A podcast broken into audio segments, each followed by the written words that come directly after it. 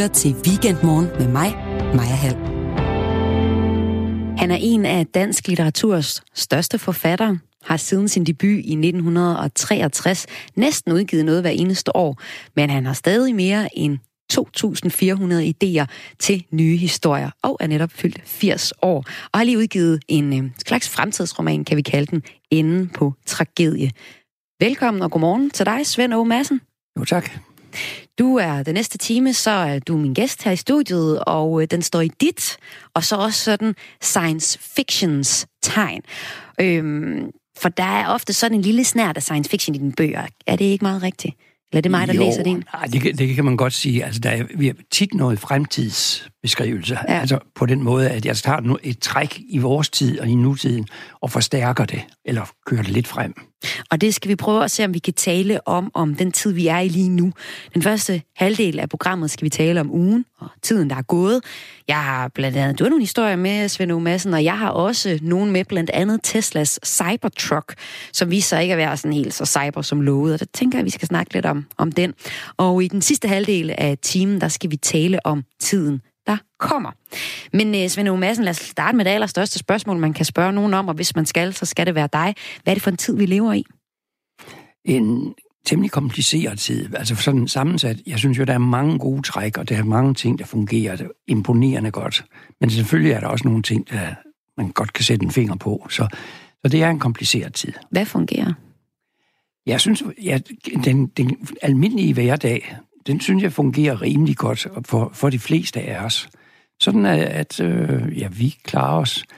Men jeg kunne godt sige, at hvis, jeg, hvis man havde skrevet en, en roman for 100 år siden, der havde handlet om et, et samfund, hvor både kvinder og mænd arbejder 8-9 timer, i hvert fald hvis vi tager deres transporttid med. Og af, i al den tid, der sætter de deres børn hen til nogle vildt fremmede, så at sige. Ja. Og øh, når de så får børnene hjem, så sidder de en stor del af deres tid og kigger på en ganske lille skærm og trykker på nogle knapper og ser nogle billeder, der bevæger sig rundt. Hvis min mor havde læst den roman for 100 år siden, der var hun 20 år, og der var hun sådan jordnær og nogenlunde normal kvinde, tror jeg, der vil hun sige, det, det var en dystopi. Det vil hun sige, det, det var da skrækkeligt, og det håber jeg ikke, min søn skal opleve, sådan nogle forhold. Det oplever hans søn nu, altså som ja. 80-årig, ja. og sidder og kigger på det, og synes jo egentlig, det er forholdsvis positivt, og synes, det fungerer ja. rimelig godt. Du er aktuel med en, en bog om en ret nær fremtid, måske lidt dystopisk. Den foregår her i Aarhus, hvor vi også sender fra. Den hedder Enden på tragedie. Det er en ret vild bog, synes jeg. Altså inden for de første 50 sider, så kan man læse om søskende sex, men det er også en bog, hvor øh, der er en hel masse fremtidsting om at rejse i ja, i sindet og i tid. Der er folk, der dør to gange. Der er lidt om kvantemekanik. En hel masse om avanceret teknologi og også noget sjælevandring. Du skriver om en, en tid, der måske ligger ikke så langt fremme fra den tid, vi står i nu, og det gør du bare rigtig tit. Men Svend Madsen, du er 80 år gammel. Hvorfor interesserer du dig for fremtiden stadig? Jamen det er fordi, jeg er spændt på, hvad jeg skal opleve om 5 eller 10 år i år. Så jeg prøver at fantasere om det. Og, ja. ja, og jeg synes, jeg synes, det er spændende at se, hvad det, hvad, hvor vi bevæger os hen. Altså hvad, fremskrive vores samfund lidt. Ja. Ja, for, for snart 40 år siden, der, der gjorde det jo det med, med bogen Se dagens lys, der også handlede om en måske lidt dystopisk fremtid. En, en bog, måske mange kender, og som også er blevet opsat som teaterstykke her for nylig på Aarhus Teater. En af politikens anmelder skriver så om den bog, du netop har skrevet, at øh, han sjældent har set dig give så mange hug til din samtid, som du gør i den nye roman. Og flere hug end dig i den her Se dagens lys. Hvad, altså, har du nogle helt vilde kæpheste om, om den fremtid, der ligger for? Nej, og jeg ved ikke helt, hvad han hentyder til. De der. Han præciserer ikke, hvad det er for nogle hug. Nå, men jeg tænker jo religion ja. og, og krige i verden, og øh, vores øh, forbrug af skærme, og vi skal dokumentere alting med at tage billeder og sådan noget. Nå, sådan noget. Ja, det tror jeg da. Selvfølgelig. Og det, det er da klart, at vi, jeg synes, det er vigtigt at påpege nogle af de ting, vi sådan er vej, på vej med, at der er ved at tage over og, og blive dominerende for os. Det Men er det, er det fordi, at du er blevet en sur gammel mand nu, og for 40 år siden, så var du ikke helt så skarp i den som øh, med C-dagens lytter? Var du ikke lige så mange ondskabsfuldheder, du mente, der kom i fremtiden? Ja, nu er det, nu er det to forskellige historier, det er og derfor, det. derfor bliver de jo også forskellige. Mm. Men øh, jeg, jeg synes, øh, den her, den, der har været, blandt andet er det rigtigt, at der, der er nogle jeg langer lidt ud efter religionen, fordi den, jeg synes, den er blevet sådan, har fået en, en eller anden position som noget, man absolut ikke må røre ved. Det er der, og folk, der bliver, man bliver krænket, så snart man lige åbner munden og siger, munden han er så god, ham Gud, eller hvad man nu siger. Mm. Så øh, jeg synes godt, jeg kunne tillade mig lige at puffe lidt til jer. Er du egentlig selv et religiøst menneske? Jeg er interesseret i religion. Altså, jeg synes, det er spændende, at så mange mennesker bruger så meget energi på den side af sagen. Men jeg er ikke religiøs i den forstand, at jeg dyrker nogle guder. Ikke det eneste usynlige menneske øh, har jeg set. Svend Madsen, vi øh, skal i den her time snakke om ugen og tiden, der gik, og vi skal også kigge frem i den næste halvdel. Den her uge, det har været en uge med nogle rigtig triste klimatal. Jeg ved ikke, hvor meget du følger med i, øh, i klima og FN's nye rapport, der ser værre ud end nogensinde, synes jeg. Det har også, øh, der er også kommet en ny indførelsesret prøve, og så er der mange, der har fulgt med i den her sag om fodboldspilleren Bernjo Verhagen, der er havnet i, F, i Viborg øh, ved, et, ved hjælp af nogle falske agenter og falske dokumenter. Nu er han Fartex fængslet. Så der er sket alle mulige ting i den her uge. Hvordan har din uge egentlig været?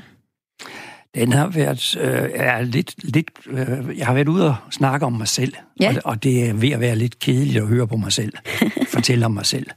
Men så øh, der har været meget af den slags. Nu, nu tror jeg, det er snart jeg er igennem. Altså noget af det er udsprunget af den nye bog, og noget, mm. noget er udsprunget af den runde fødselsdag. Så øh, nu håber jeg, at jeg sådan kan få lov at tænke på noget andet end mig selv. Men er det træls at fortælle om sig selv? Er det ikke meget fedt? En gang imellem er det, men det kan nemt blive for, nok, for mig et. Jamen så lad os kigge lidt på nogle af de historier, der har været i den her uge. Jeg har givet ja. dig lidt lektier for. Har du, ja. øh, hvad har du faldet over den her uge, ja, der har været særligt Jeg synes stadigvæk noget af det vigtigste, der har været diskuteret, og det er måske lidt mere end en uge siden, at vi snakkede om kvoterne til, eller øh, doseringen af øh, pædagoger på vores institutioner. Minimumsnummeringer kalder ja, vi det nogle så, gange hurtigt. Ja, ja, ja, jeg kan ikke deres fine slagord. Nej, nej. Men øh, det, det synes jeg er stadigvæk noget af det vigtige. Altså nu snakkede jeg først om vores børn, og hvor, øh, hvordan de, vi behandler vores børn. Der synes jeg, der, der er så vigtigt, at de trives, og at de får en god tid. Og det betyder, at de skal have nogle, have nogle mennesker med overskud, og nogle, nogen, der har tid til dem, og som kan give dem en god opvækst. Og det, det synes jeg er noget af det vigtigste, vi har diskuteret den senere tid. Ja. Og det er allerede blevet glemt. Ja. Altså, det glider hurtigt ud, fordi der så kommer en eller anden fodboldspiller, der hedder noget andet end... Ja, jeg, jeg følger ikke med i fodbold, må jeg lige sige, så jeg ved, vidste det først, da du sagde det. Ja, ja, ja. Nå, det er jo også bare en af de mange historier, som ja. der er. Men den her historie om minimumsnummeringer, hvad, hvad, altså, hvad tænker du, når du hører problemer med, at der er rigtig mange børn per pædagog?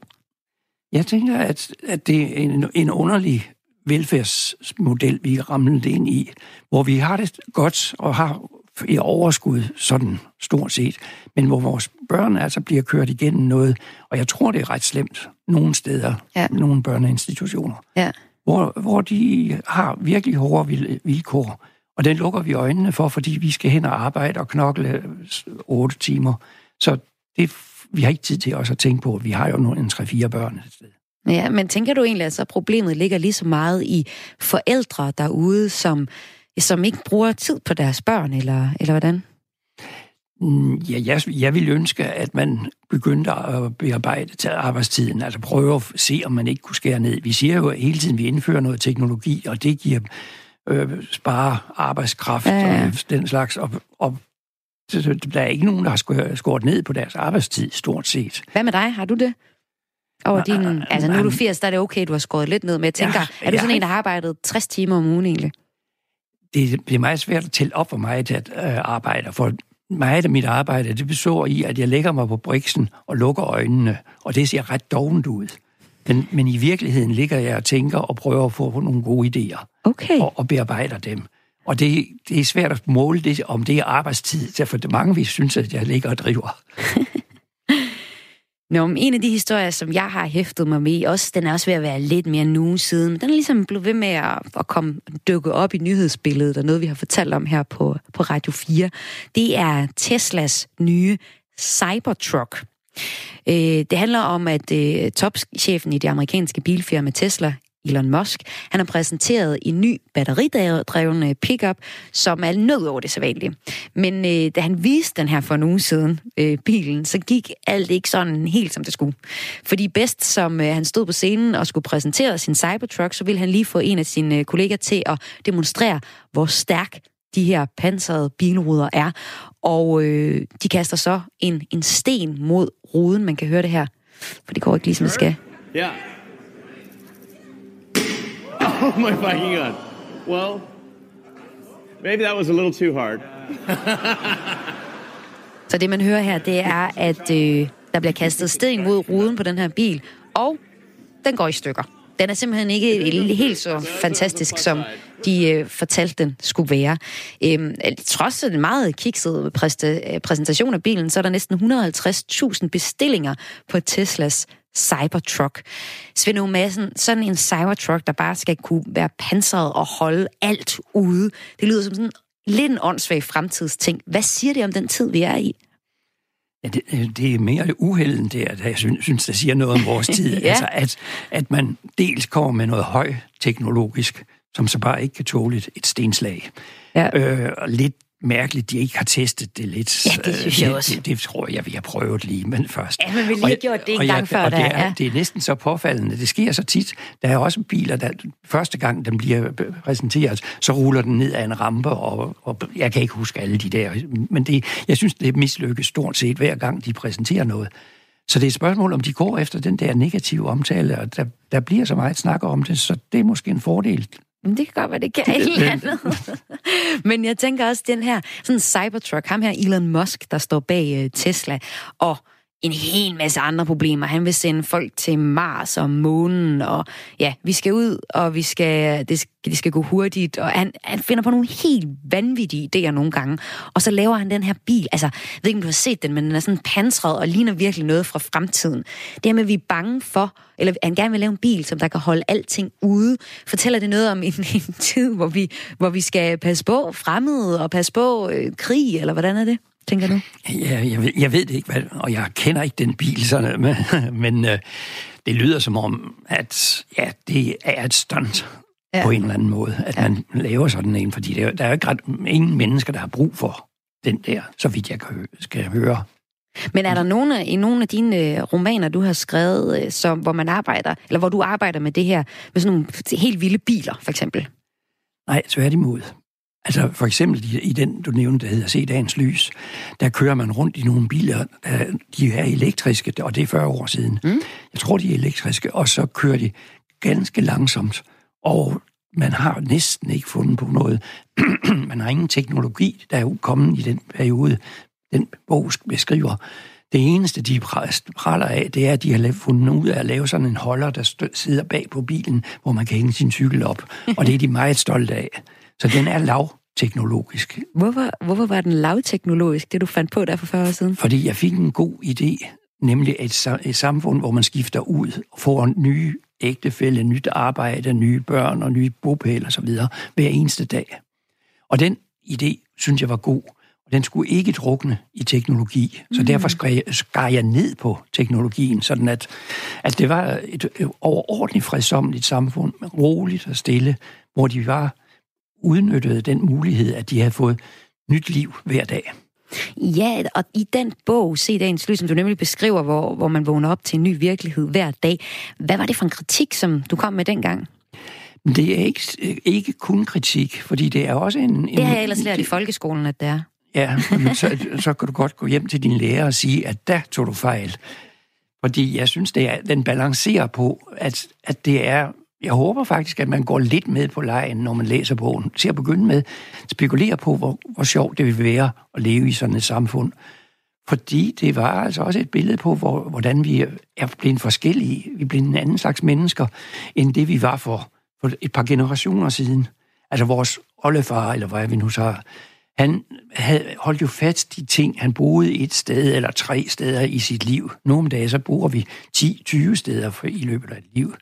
Han øh, holdt fast på et parti, når han havde valgt, valgt det, og så blev han ved med at være der på livstid. Mens vi ved, at vælgerne de skifter hvert år, eller hver fjerde år, sådan en ret stor del af dem. Mm.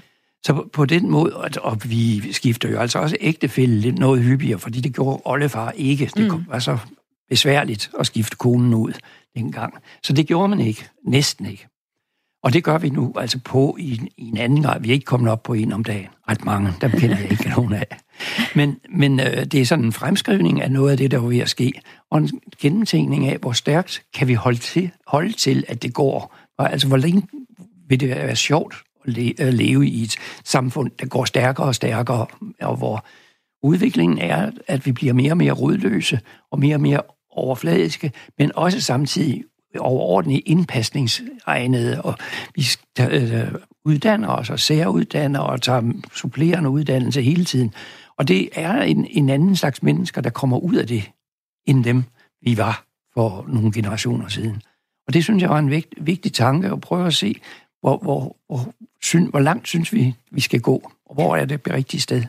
Og når du skriver sådan en bog, som, som set dagens lys for 40 år siden, og, og leger med den tanke, er det så fordi du også har et eller andet bagvedliggende budskab om at sige, hey, måske skulle vi stoppe op og stå fast, som vores psykologiprofessor Svend Brinkmann øh, er ude med, som den parole?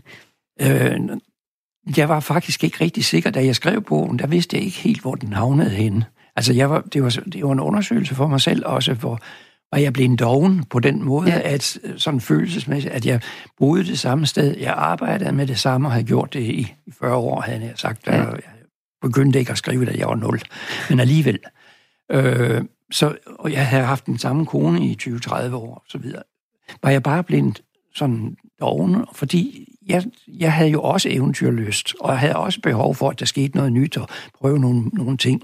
Så jeg skrev faktisk bogen sådan også for at undersøge mig selv, hvor langt synes jeg, det var sjovt. Og den havner så i, at, at den i hvert fald i, før, i begyndelsen antyder, at det er et, et spændende samfund, men et tilbud at leve i det samfund. Og så efterhånden så opdager man, at der er altså også negative træk, og der er nogle ting, der går tabt. Og derfor blev det sådan en diskussion af det, i højere grad en diskussion end en prægen jeg bryder mig ikke ret meget om, om bøger, der er prægenagtige, som, mm. som ligesom skal fortælle, at hvor, hvor onde nogle andre mennesker har været ved en. Og så den slags, det er ikke rigtigt det, der morer mig. Man skal selv få lov at vurdere, hvad man synes øh, om det. Ja, og jeg, jeg synes, en bog, hvor jeg leger med og prøver at lege, sætte mig ind i det der, og prøver at sætte mig ind i, hvordan vil jeg have det der i det samfund.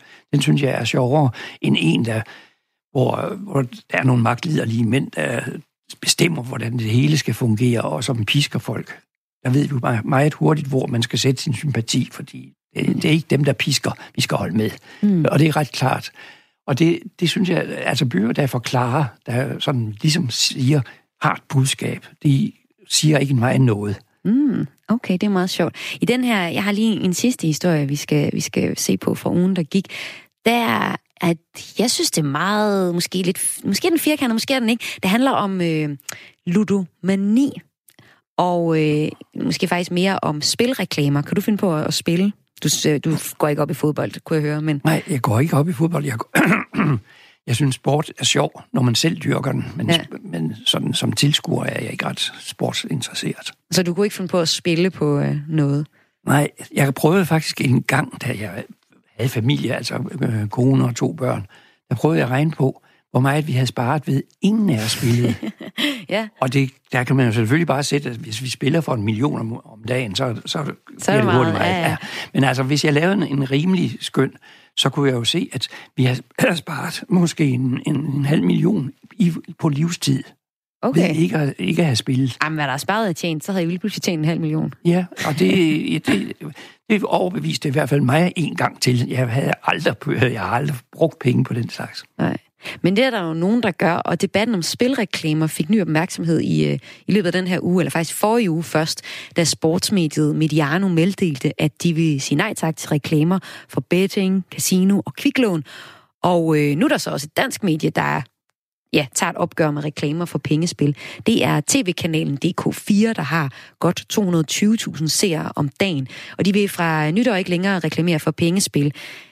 Øhm, I hvert fald alle dem, der har et kommersielt sigte, fordi de vil godt lave reklamer for alle de spil, der har et alment nyttigt formål, for, for eksempel danske spil og alle de her øh, spilvirksomheder, som der støtter for eksempel lokale fodboldhold eller noget i, øh, i den dur. Øhm, jeg ved ikke den her differentiering mellem, hvad der er okay at støtte, og hvad der ikke er okay at støtte. Hvad tænker du om det, Svend Madsen? Ja, nu ved jeg så altså ikke ret meget om, om spil, heller ikke om det. Nej, nej, man, reklam, man reklamerer men, for men, noget, der ja, kan få folk til at blive ludomaner, simpelthen. Ja, og der synes jeg, det, det var lige så, lige så naturligt at forbyde det, eller, eller lade være med at reklamere for spil, fordi det, er, det, det ødelægger jo nogle folks økonomi og situation.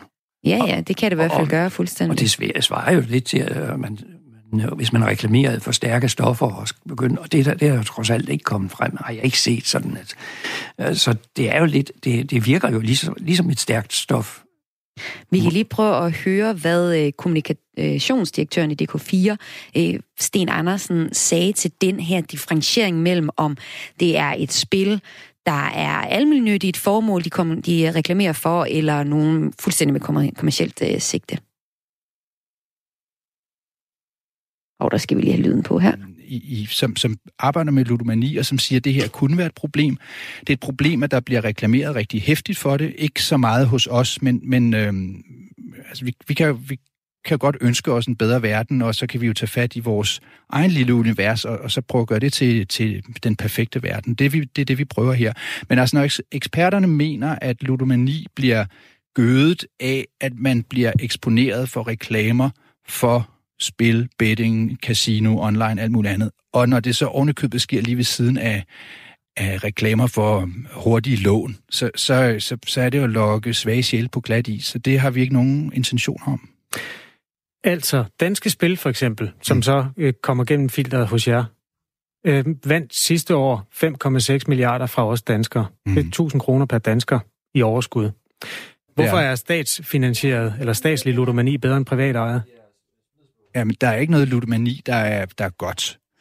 Den statslige spillevirksomhed, den har vi sådan som samfund accepteret er her, og vi accepterer, at den giver et stort, en stor del af sit overskud tilbage til samfundet, til den idrætsforening, som du eller dine nærmeste dyrker, som min familie øh, opsøger en gang imellem. Og, øh, og det er en politisk beslutning, som, som vi som samfund har accepteret. Så det accepterer vi også. Men danske spil har en omsætning, der stiger med 7-8 procent om året, og det kan simpelthen ikke rigtig bortforklares, at reklamerne spiller en rolle i det. Den del vil I gerne være en del af fremover, er det rigtigt forstået? Ja, det er rigtigt forstået. Den, de spil, som var med før liberaliseringen, de spil, som har et almindeligt formål, de må godt være med hos os. Men danske spil har jo også et casino med store præmier. Øh, er, er den del skåret fra, når I snakker med danske spil, eller er det bare alt, hvad der har danske spils stempel? Alle de virksomheder, som øh, har et almindeligt formål, øh, de er velkomne i vores reklameflade. Hvis vi skal bringe nogle fakta ind, så var det danske spil havde et overskud på cirka 2,8 milliarder øh, sidste år, og knap halvdelen af dem røg i det, der hed udlodningsmidlerne. Mm. Og så er der nogle af de andre underselskaber, datterselskaber hedder det, af en eller anden grund, øh, som ryger direkte ned i det, pengene de bliver simpelthen sendt til finansministeren og ryger ned i, i statskassen. Mm. Hvor meget, altså jeg har læst et eller andet sted, det koster jer 5%, hvis I vælger Pilu Asbæk og Brian Laudrup og Uffe Holm og alle de der fra. Øhm, hvor mange, 5% er hvad? Hvor mange penge er det, I står ja, med mindre? Det, det, det er sådan noget, man sjældent oplyser, og det gør vi heller ikke i den her sammenhæng. Vi, vi har jo ikke store sportsbegivenheder, hvor, øh, hvor bettingbyråerne står i kø for at få lov til at reklamere. Så, så for os er det, det er ikke... Altså, det koster noget, men, men øh, vi synes, at det er nødvendigt at, øh, at tage vores egen medicin. Altså, vi, vi, vi synes, at, at der, hvor vi har mulighed for at gøre verden til et bedre sted, der, der bidrager vi. om det så skal koste os 4 eller 5 eller 6 procent, så, så tager vi det med. Sten Andersen, øh, kommunikationsdirektør ved DK4. Vi har fået en sms fra øh, Lasse. Mm. Han skriver, øh, på en eller anden måde er det mere moralsk forkasteligt at tjene penge til fællesskabet baseret på andres lidelser. Almen nyttigt eller ej, danske spil skaber også ludomaner. Hvad siger du til det? Det har han utvivlsomt ret i. Og det sagde han her til min kollegaer Kasper Harbo og Jakob Rosen.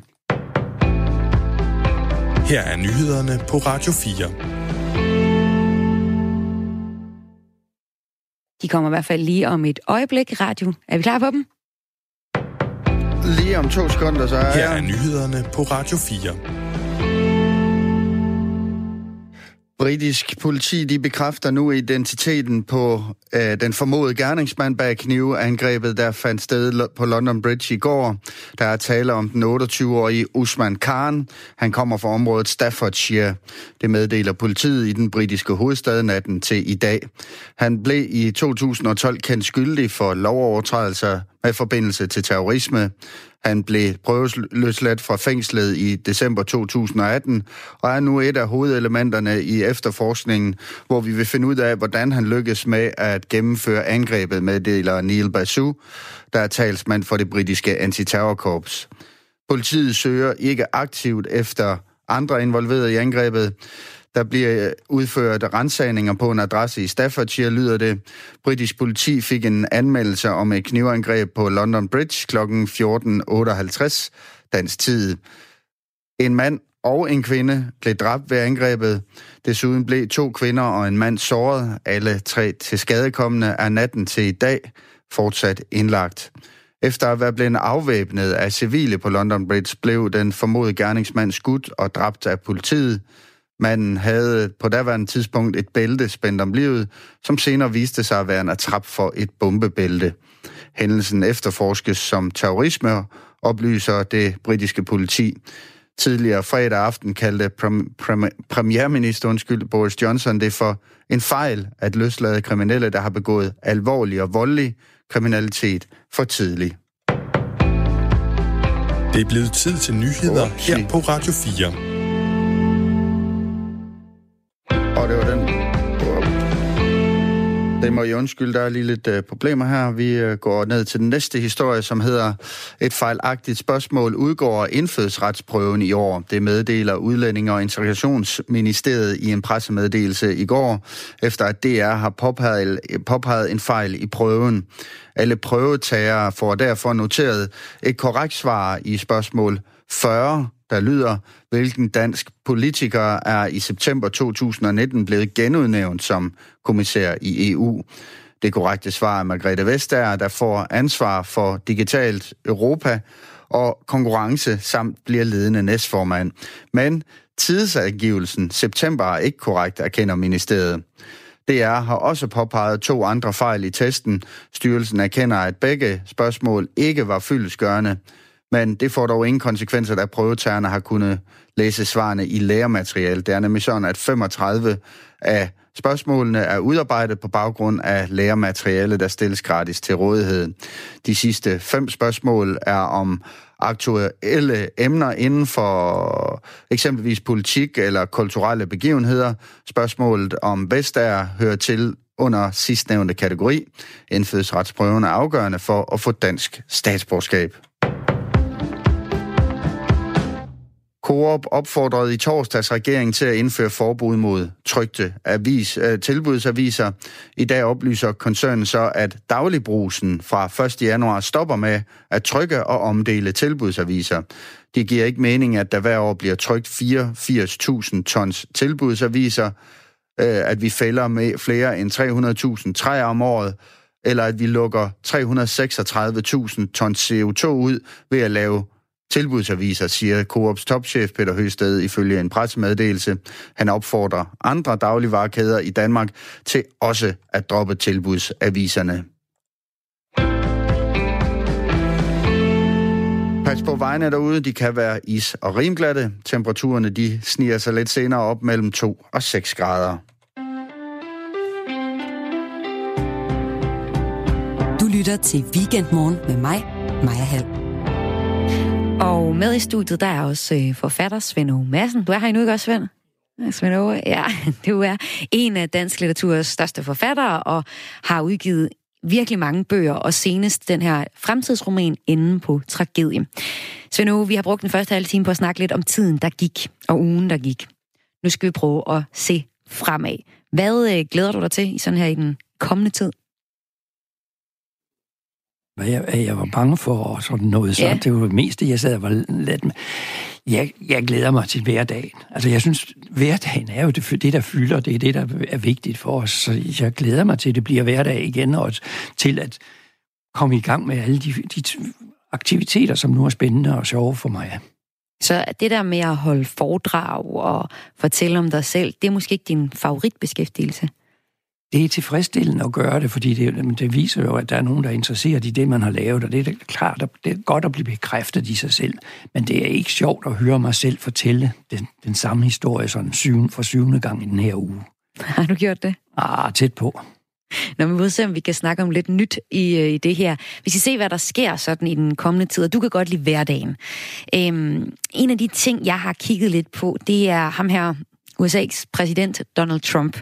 Og der er jo hele den her verserende øh, sag, om han kommer ind i en rigsret.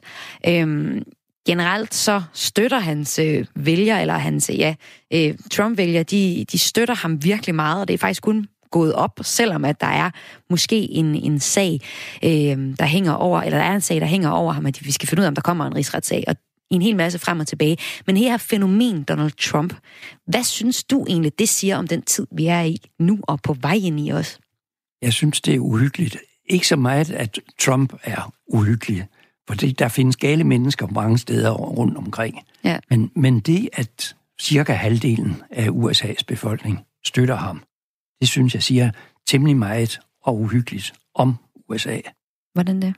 Ja, fordi man, man støtter for eksempel, den, han får den gale idé, at han vil købe Grønland. Og jeg har lige overvejet, om jeg skulle købe Brooklyn, men øh, det har jeg ikke fået øh, spurgt ham endnu. Men altså, det er en fuldstændig tåbelig idé, som fører til, at da han får afslag, så begynder han at snakke om, at vi skal da have mere, mere militær derop, og vi skal have flyver derop. Og fordi nogle andre nationer også bliver interesseret i Grønland og ser, at der er en risiko for, at, øh, at USA overtager noget på en eller anden måde derop, så bliver Rusland bekymret, så bliver Kina nysgerrig, og, og så pludselig får vi at vide, at nu har vi for lidt forsvar deroppe, og vi skal have nogle flere flyvere, og vi kan jo blive ved med at accelerere op, og det er jo en, en ny kold krig, han er i gang med at etablere der. Hvis vi skal til at have flere øh, militære udgifter, som han jo taler meget for, som er fuldstændig vilkårligt, de der 2 procent skal vi op på, og hvor, hvorfor det lige er det er der ingen, der kan- forklare. Så, så han er i gang med at få en tilstand, som er helt lidt mindre om den tidligere kolde krig, som vi trods alt var kommet ud af.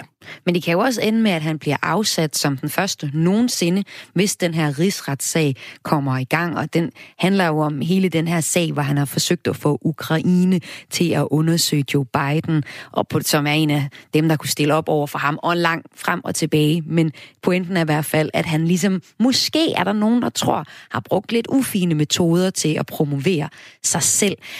Altså, den her, den her mand er vel ikke så meget anderledes end så mange andre, du siger, i historien, der har gjort nogle forkerte ting. Måske. Vi ved jo ikke, hvad, der, er, nej, historien nej, jeg, jeg synes heller ikke, at det er, er ham, Nej. der er problemet. Altså problemet er, at der, han får støtte.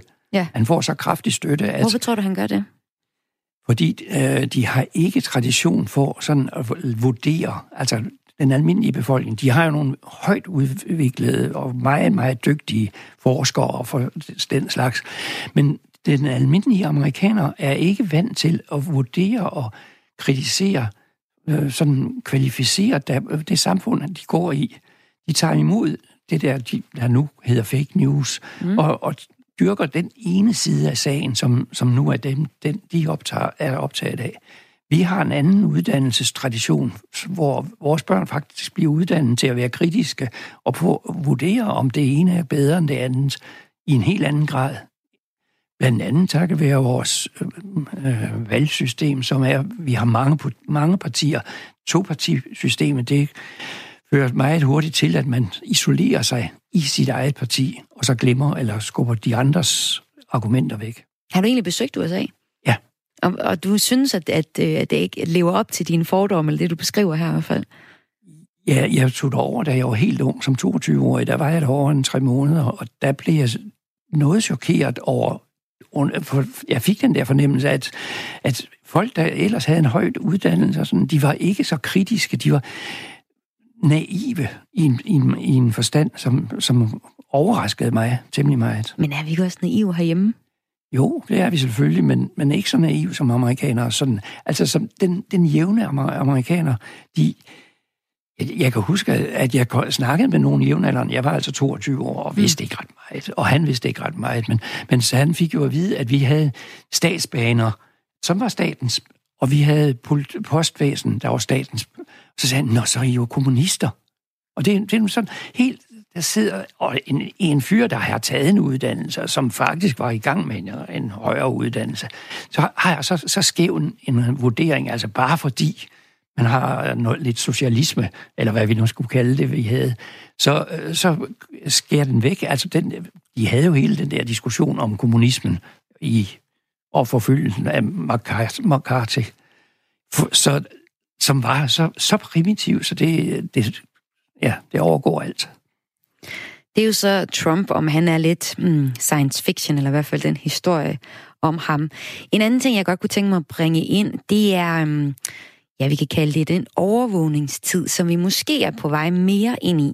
Vores statsminister Mette Frederiksen, hun har for nylig vundet en Big Brother pris, og eller en award er det faktisk. Og det er en award, som er inspireret af bogen 1884, skrevet af George Orwell. 1984. Nå ja, 1984. Jamen, der det, læste det jeg simpelthen bare noget andet om, det, der stod. Det er længe siden. Ja, det kan man selvfølgelig også sige. Men 1984, det er alligevel en, en anden år, en årtid, ja. Nå, men det, øhm, der, der beskriver man her den dystopiske verden, Oceanien, der er styret af partiet, som udøver fuld kontrol over indbyggere med argumentet, at det er for deres, eget, øh, deres egen skyld. Og Big Brother er så sådan en øh, fiktionsfigur, som øh, repræsenterer det her partiet, og er... Øh, både alt seende og alt vidende, og indbyggerne er sådan under konstant øh, overvågning, og, øh, og bliver sådan hele tiden påmindet om det. Og, og så er der altså en, en, en lille gruppe, der har givet, der har kaldt den her award, øh, Big Brother Awarden, og givet den til Mette Frederiksen, fordi hun, øh, blandt andet fordi hun har foreslået mere overvågning, at vi skal have 300, for, 300 flere kameraer, og ja, at det er overvågning, som der kan give mere øh, tryghed. Den her overvågningskultur er jo også noget, du har beskrevet og beskriver på forskellige måder igennem din litteratur. Altså, har du også en, en ladethed i den, der siger, at det er en dårlig ting? Nej, jeg har skrevet en bog, der hedder Det syvende bånd, mm. hvor man har øh, opfundet et system, sådan at alle mennesker har en, de overvåger, som de følger, og, og som de ligesom er guardian for. Og samtidig så ved de jo altså, at der er en anden, der holder øje med dem. Mm. Og det er et, et, et positivt samfund på den måde, at folk opfører sig faktisk bedre. De ved, at de bliver afsløret, hvis de laver noget fusk af en eller anden slags. Så mange ting er blevet fjernet. Og øh, jeg gør lidt af den samme teknik, som jeg gør i Se Dagens Lys, dermed at prøve at lokke læseren ind i. Det er egentlig lidt spændende, lidt, at vi bare der er en eneste, der følger, følger os hele tiden, og som ved, hvad vi gør, så, så ændrer vi optræden. Og så viser det sig selv, så selvfølgelig i det syvende bånd, at, øh, at der er nogle bagsider ved det. Der er noget negativt ved det også. Så, så jeg prøver igen, sådan mig selv tro, prøver at komme frem og tilbage, sådan at jeg både siger, at der er fordele ved det her overvågning. Og det er der ved vores kamera på den måde, at vi er til, at der ting, der kan afsløres, fordi vi har offentlige kameraer. Mm. Så der er, der er positive ting, men der er bestemt også negative ting. I studiet er Svend Madsen forfatter, og vi er i gang med at tale om tiden, der kommer, og sådan den nære fremtid. Og nu skal vi prøve at gøre det med ud fra din øh, nye bog, Inden på tragedie. Den øh, handler om både rejse i sind og tid, og jamen, vil du ikke faktisk lige prøve at beskrive, hvad er det her for en bog? Det er sådan et fletværk af både en, en hovedroman, og så er der nogle noveller bag i også. Oh. Ja, hovedpersonen, han hedder Jonathan. Han er studerende, men det går ikke ret godt med, han er ved at skrive øh, speciale, men det bliver kortere og kortere i, efterhånden, som han korter i de, de, de dumme ting væk. Øh, han drømmer om at blive forfatter, men han er ikke så god til sådan, at sætte sig ind i andre mennesker, og der finder han et stof, der gør det muligt for ham at sætte sig ind i andres sind. Og det er her science fiction kommer ind i det, for det er et, fiction, øh, et fiktionelt stof. Det er faktisk et, et hormon, som minder om det hormon, vi bruger dagligt, som vi selv producerer, nemlig når vi skal til at falde i søvn, som hjælper os til at slippe, altså sådan, at vores sind slipper vores krop. Ellers kan vi ikke så falde i søvn. Og det er faktisk det samme stof, som, som er udvidet lidt. Det hedder metamorfoin i, i bogen. Og det er, blevet udvidet, det er udvidet på den måde, at det samtidig sætter os i stand til ikke bare at forlade vores eget sind, men at komme ind i andres sind. Så denne Jonathan, han læser sig ind på sine omgivelser, de personer, han omgiver sig med, øh, læser sig ind i deres hovedhistorie, den, den historie, der ligesom er, er karakteriserende der for deres... Deres minder vil egentlig også, og deres virkelighed. Ja, deres, deres forståelse af sig selv også. Mm-hmm. Og, sådan og det, det, det ved, at han læser sig ind på det, i det, der bliver han jo altså, forstår han noget ved dem, og han øh, ændrer sig selv og bliver anderledes i løbet af bogen. Og øh, påvirker os sikkert også dem, han aflæser. I hvert fald nogle af dem ser vi, at han, de, de er ikke så tilfredse med at blive aflæst måske. Den her bog, den har jo gang i mange forskellige ting, altså både et stof, et hormon. Vi, du beskriver også en nær fremtid, hvor der er flere krige, og der er også nogle helt små, øh, der er noget, der hedder Cook i bogen, som er sådan en, en lille, hvad kan man sige, en lille app, der giver en, et lille tekststykke til vores hovedperson, som man reflekterer over. Hvor mange af de her ting har du skrevet om, fordi du ser, det er noget, der kommer snart i, i, i vores tid? Ja, det, jeg sidder jo ikke og tæller op, men det er det. det, det du er, er lidt vores fremtidsforsker, ikke? jo, jeg går jo, altså jeg går jo i min nutid, og ja. der ser jeg jo, hvad, der, hvad jeg synes er, er, er et træk, der, der er på vej, som, som vi bliver truet af, eller som vi bliver hjulpet af. Og vi, tit er det begge dele, fordi det, vi indfører det selvfølgelig kun, fordi det har nogle gode sider, fordi det kan noget, uanset hvad vi indfører. Men samtidig så sker der næsten altid det, at det har negative sider også, fordi der, der er ikke rigtig nogen ting, der kommer ind, uden at det har en bivirkning. Og hvad er det for eksempel for nogle science fiction ting, du har fat i? Ja, det, øh, altså det her, det er jo en påstand om, at det der stof gør os åbner for vores em, øh, empati, og kommer vi er i stand til at forstå hinanden. Og det er en, en forestilling om, at vi at, at man ligesom kan, kunstigt kan udvide vores forståelse for, for vores samfund og for vores det, det, vi indgår i, de mennesker, vi lever sammen med. Og det er jeg også lidt betænkelig ved, hvis man virkelig tror på, at, at man kan komme videre af den vej. Så det, det er et af de temaer, der er i gang i bogen. Og hvorfor har du valgt det? Fordi jeg synes, det er vigtigt, og fordi jeg synes, det er interessant. Men, men også fordi jeg synes, det er spændende at, at overveje, hvordan bliver vi som mennesker, hvis vi arbejder videre i den retning. Hvordan tror du, vi bliver?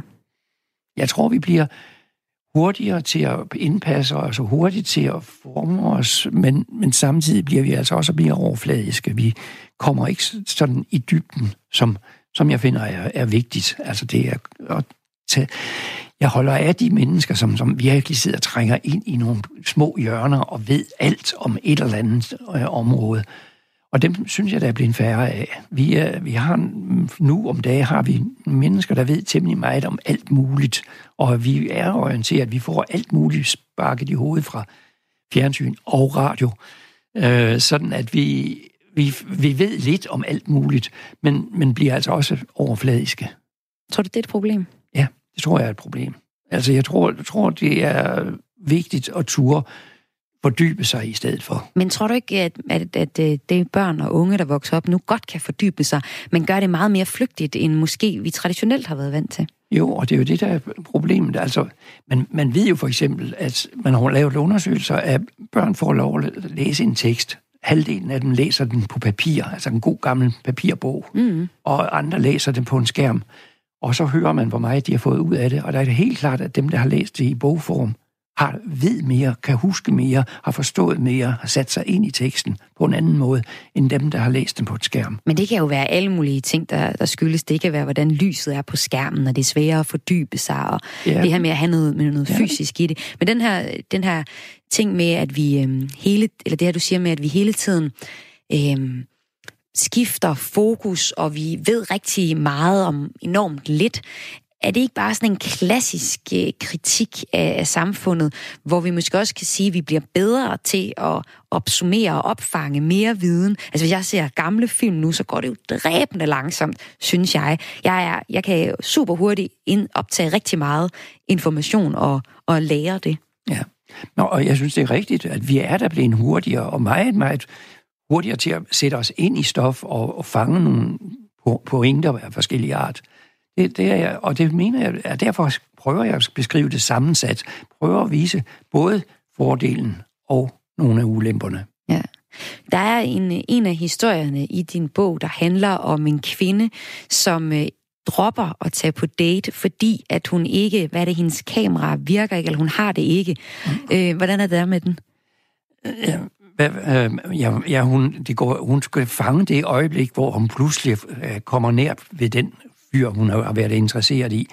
Men hendes kamera kigger så der, der står hun altså pludselig og kan simpelthen ikke leve sig ind i det øjeblik, hun står. Der skulle være hendes største øjeblik, fordi hun kan ikke sende det til sine followers. Det synes jeg er så sjovt, fordi man siger jo netop, hvis du ikke har taget et billede af noget, så er det ikke sket i virkeligheden. Det er jo noget, som yngre generationer, eller mange generationer, der bruger vores telefoner rigtig meget til at tage billeder, øh, taler om. Er det også en kritik af det? Ja, i hvert fald er den, jeg vil ikke sige en kritik. Det er sådan, gør lidt nar af det, ja. den forestilling. Hvordan har du det med, at folk tager billeder af rigtig mange ting? De, det synes jeg, de skal have lov til, hvis de har lyst til det. Jeg gør det ikke selv. Jeg, jeg, har, jeg har ikke taget et billede i de sidste 50 år, tror jeg. Så du har ikke nogen telefon, du kan tage billeder med? Den kan tage billeder, men jeg gør det ikke. Hvordan kan det være? Fordi jeg ikke har brug for det. Jeg, har, min, jeg tager de billeder, jeg skal have ind igennem mine øjne. Men når du tager et billede, du ved, af, af virkeligheden, og af din, den mad, du spiser, eller hvad du laver til hverdag, jamen så, så kan du huske den, og så kan du øh, se på det, ikke? Altså når vi skal optage så mange informationer, så har man lige sådan en lille lommekalender der. Ja, og man glemmer at se og opleve de ting. Fordi man optager dem, og tænker, ja, nu har jeg optaget dem, men, men jeg har ikke set dem rigtigt med mine egne øjne. Og der synes jeg, vi, har, vi er faktisk ret gode til at optage hele tiden i vores fantasi eller vores sind. Vi, vi opfatter faktisk hele tiden, så vi har ikke brug for de billeder. Nå, okay. Kunstige billeder. Hvis vi nu øhm, kigger lidt fremad og mod den tid, vi er på vej ind i, hvad tror du så, vi skal holde fast i af den tid, vi lever i nu, og hvad skal vi droppe? Vi kan starte med, hvad skal vi holde fast i af det, vi gør nu? Nå, jamen, jeg, jeg synes ikke, man, jeg kan ikke komme med sådan en facitliste. Jeg kan prøve, prøve dem af, og jeg kan give mine læsere en lejlighed til at selv at overveje deres situation. Jeg har ikke en facitliste om, hvad, der er skidt, og hvad der er godt i samfundet. Men du beskriver jo nogle af dem, for eksempel den her med at tage billeder af alt det, alting, og den der flygtighed. Er det noget, som vi skal lade blive i, øh, i øh, tierne, og ikke tage med ind i, i Nej, det næste jeg synes, I, jeg synes, I selv skal vælge. Det, jeg synes, det er ret vigtigt, at vi får lov at vælge selv. Så, jeg, så når jeg sad, altså, sagde, så sagde jeg kun, at jeg tager ikke billeder. Ja, okay. Så og, det er altid op, det er altid op til dem. Ja, det er, det er helt klart.